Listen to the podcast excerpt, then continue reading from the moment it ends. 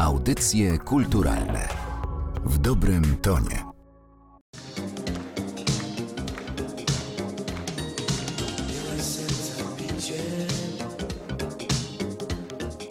Wiosną, życie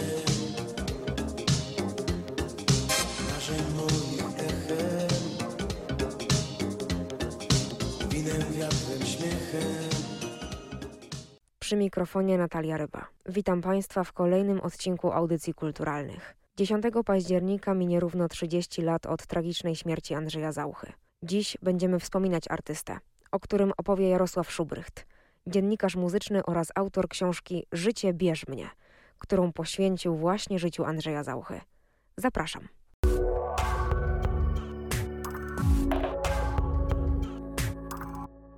Skąd w panu się w ogóle pojawiła taka motywacja, żeby to właśnie Andrzej Zaucha stał się bohaterem pana kolejnej książki? Jestem fanem Andrzeja Zauchy. Oczywiście różnych okresów y, jego działalności z różną intensywnością słucham. Natomiast y, zaintrygowało mnie to, że rozpiętość stylistyczna nagrań, które po sobie zostawił, jest tak ogromna, bo od Jumbly czy tego jego czasu z Anawą do tych piosenek, które znane były z telewizji z lat y, drugiej połowy lat 80., no rzeczywiście dzieli je przepaść. Chciałem się dowiedzieć, dlaczego tak było. Okazało się, że informacje, do których dotarłem, nie były satysfakcjonujące dla mnie.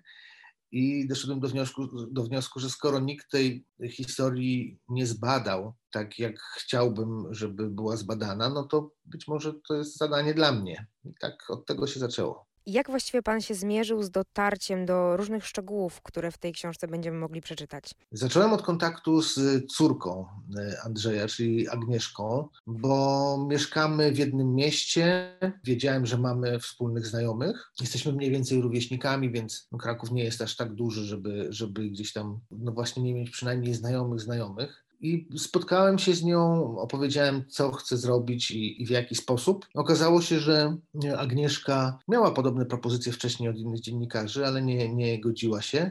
Na moją przystała, jak się okazało potem, dlatego że dowiedziała się, że napisałem książkę o zespole Slayer i doszła do wniosku, że kiedy ktoś pisze o Slayerze, to chodzi mu pewnie o muzykę, a nie tylko o, o jakieś wątki sensacyjne, przez pryzmat których no niestety Andrzej Zaucha jest przedstawiany w mediach najczęściej. No, no i nie pomyliła się, tak, chodziło mi o muzykę, chodziło mi o, o, o poznanie go jako artysty i, i, człowieka. Z pomocą Agnieszki było łatwiej dotrzeć, no oczywiście zarówno do, do rodziny, jak i do najbliższych przyjaciół, również do takich osób, które z różnych względów no, nie chciały już rozmawiać o Andrzeju, albo nigdy wcześniej nie rozmawiały publicznie z mediami o Andrzeju, bo te, bo te rany po prostu mimo upływu lat, nawet dekad już teraz, nie zdążyły się zabliźnić. Czy uważa pan, że współcześnie jest trochę taki powrót do muzyki Andrzeja Zauchy w kontekście jakiejś nostalgii? I tutaj chyba bardziej mam na myśli moje pokolenie, to, to młodsze pokolenie, i na przykład wykorzystywanie sampli w różnych y, utworach różnych współczesnych artystów.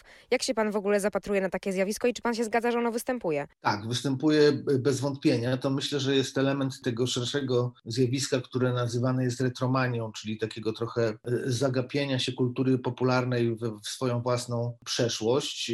Ma to oczywiście swoje pozytywne strony, dlatego że nie pozwala zapomnieć o pewnych wartościowych artystach, nurtach i, i, i dziełach. Ma swoje negatywne strony, bo z kolei taka no, no zbyt intensywna retromania trochę przesłania nam dzień dzisiejszy i, i więzi w wiecznym wczoraj, nie pozwalając spojrzeć w przyszłość. Natomiast akurat nagrania współczesne oparte czy wykorzystujące sampling, i w tym przypadku samplujący na przykład Andrzeja Zauchę, to uważam, że zjawiska jak najbardziej pozytywne. Pozytywne dlatego, że to jednak jest zupełnie nowa jakość, to są zupełnie nowego rodzaju utwory, nowego, nowego rodzaju treści, więc nie ma mowy o bezkrytycznym powtarzaniu przeszłości. Z drugiej strony ma to też ten pozytywny walor, że po pierwsze Zaucha przez lata nie był tak bardzo obecny w nowej muzyce, dlatego że no, zanim upowszechnił się właśnie sampling, można było próbować śpiewać piosenki z jego repertuaru, a to jest bardzo trudne.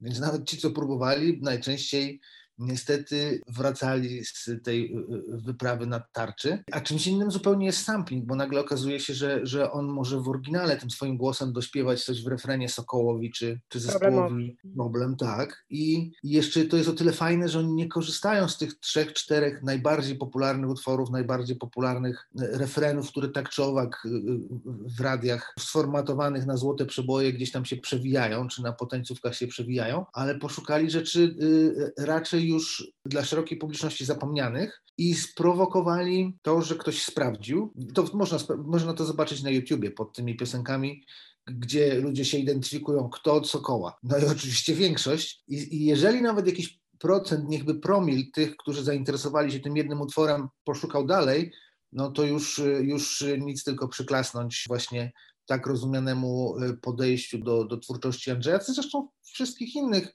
herosów z przeszłości. Więc, y, więc tak, potwierdzam, istnieje to zjawisko i bardzo się z niego cieszę. Ja również, z mojej perspektywy. Ale właśnie, jeżeli ktoś by chciał już sięgnąć po twórczość Andrzeja Zauchy, to czy zgadza się Pan z tym, że my dobrze o nim pamiętamy? To znaczy, że tych wydań fonograficznych jest na tyle dużo, ile utworów po prostu jego było.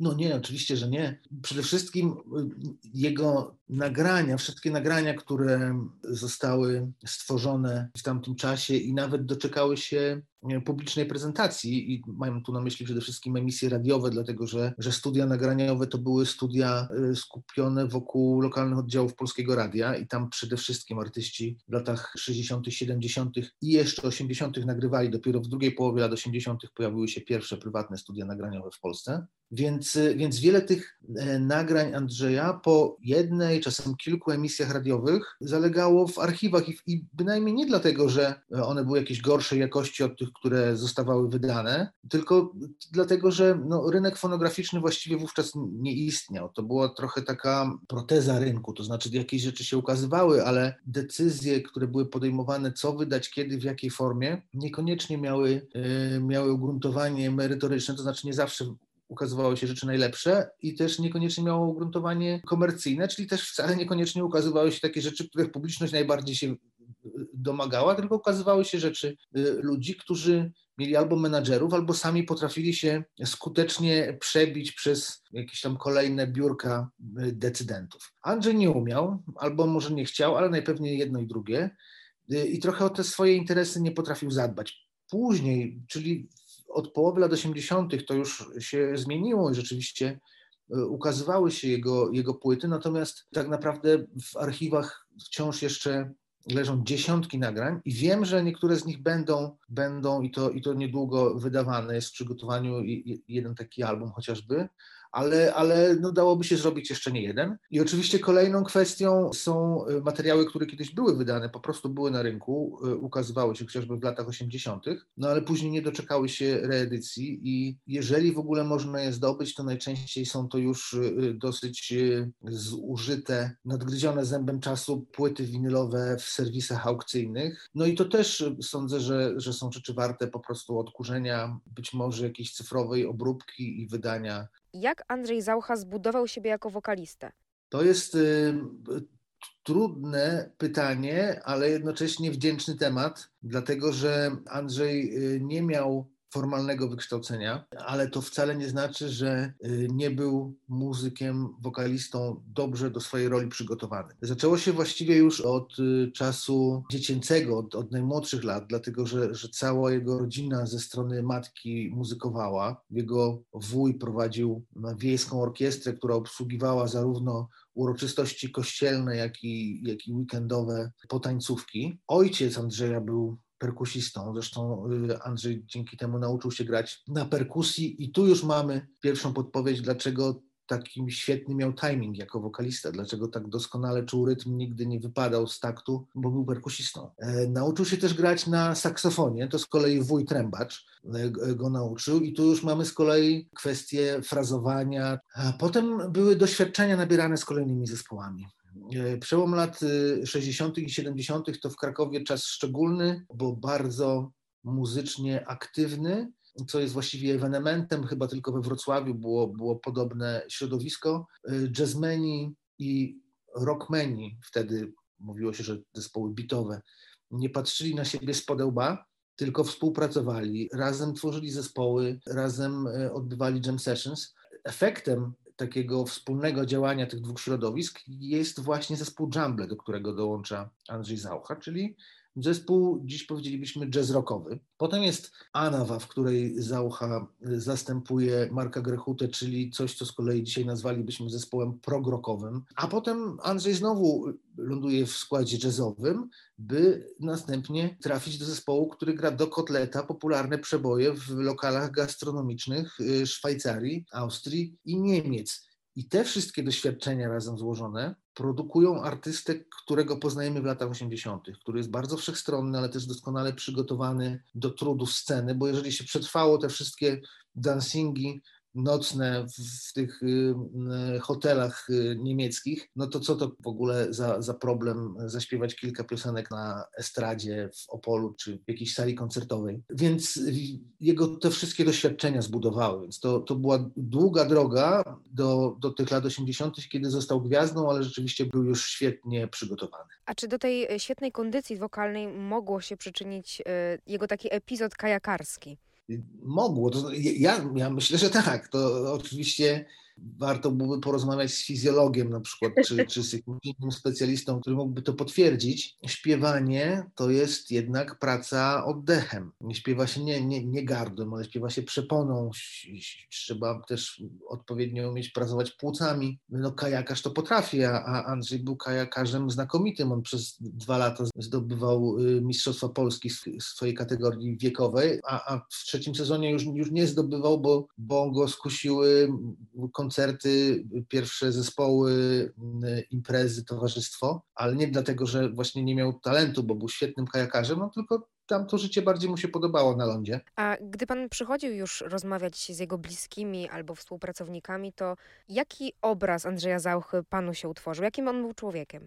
Muszę powiedzieć, że y, pod tym względem był bohaterem y, dla mnie jako autora książki niewdzięcznym, bo niestety nudnym. Y, bo po prostu wszyscy wspominali go jako serdecznego przyjaciela, jako, jako dobrego chłopaka, no, no, takiego brata łatę. Nie udało mi się znaleźć nikogo, kto y, chciałby powiedzieć o nim jakieś złe słowo. Jeżeli już, no to były rzeczy dotyczące kwestii artystycznych. No, Kanty Pawluśkiewicz mówił o tym, jak bardzo był zawiedziony, wręcz zraniony, kiedy kiedy Andrzej odchodził z Anawy. Oni się potem już pogodzili, współpracowali znowu, natomiast oczywiście no, wtedy to był taki moment, kiedy te emocje były bardzo, bardzo silne, ale to były kwestie wciąż związane z życiem artystycznym. W życiu prywatnym rzeczywiście nie znalazłem nikogo, kto chciałby, umiałby powiedzieć na niego złe, złe słowo. To był taki człowiek, który kiedy się pojawiał w pomieszczeniu, to od razu wszyscy się uśmiechali, bo, bo, bo, bo wchodziła właśnie radość, wchodził dowcip, co wcale nie znaczy, że to był ktoś, kto nie miał swoich życiowych problemów, ale chyba miał właśnie taki sposób na, na radzenie sobie z nimi, takie trochę y, dostrzeganie tej szklanki zawsze do połowy pełnej i nie miał wrogów oprócz tego jednego ostatniego, niestety śmiertelnego. Więc to nie jest jakaś pod tym względem złożona postać targana w, w, swoim życiu jakimiś emocjami, rozpięta pomiędzy dobrem i złem. Nie, to ja myślę, że to po prostu był fajny facet. Czyli mógłby pan iść z nim spokojnie na kawę, ciastko, drinka, prawda? Tak, oczywiście, y, z przyjemnością. Jestem pewien, że doskonale bym się bawił. Skąd w ogóle tytuł książki? Życie bierz mnie. Z tekstu jednej y, z piosenek, ale tak naprawdę z mojego głębokiego przekonania i nastawienia, że właśnie o życiu Andrzeja chciałbym opowiedzieć oraz z jego podejścia do życia, świata, ludzi, muzyki. To był właśnie taki człowiek, który życie chłonął, który jeżeli tylko los pozwalał, to, to czerpał je pełnymi garściami, więc e, doszedłem do wniosku, że akurat e, te słowa no, doskonale oddają jego charakter, jego podejście. A czy uważa pan, że Andrzej Zaucha był artystą, człowiekiem spełnionym? Nie, nie, myślę, że nie. Myślę, że tak naprawdę rozstaliśmy się z nim w chwili, kiedy on był gotowy do, tym już był w tym, na tym ostatnim obozie i był, był gotowy do ataku na szczyt. Oczywiście jest bardzo wielu artystów, wokalistów, którzy życzyliby sobie być tak niespełnieni, mieć taki dorobek, y, jaki zostawił po sobie Andrzej Zaucha.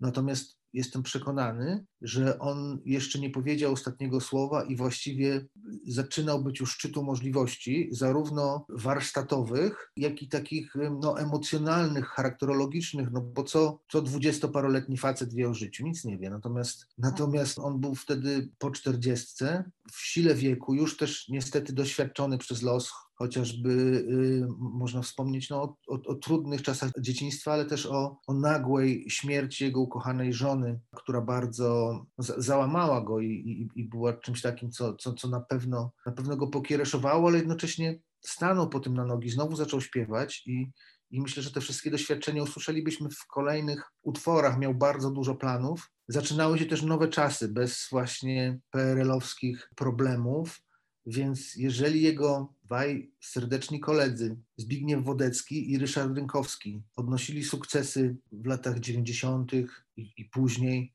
Ryszard Rynkowski przecież był właściwie hegemonem takiego, takiej piosenki popowej, estradowej w, w, przez całe lata 90. I, i pierwszą dekadę lat 2000, no to nic nie wskazuje na to, żeby Andrzej nie radził sobie co najmniej tak dobrze.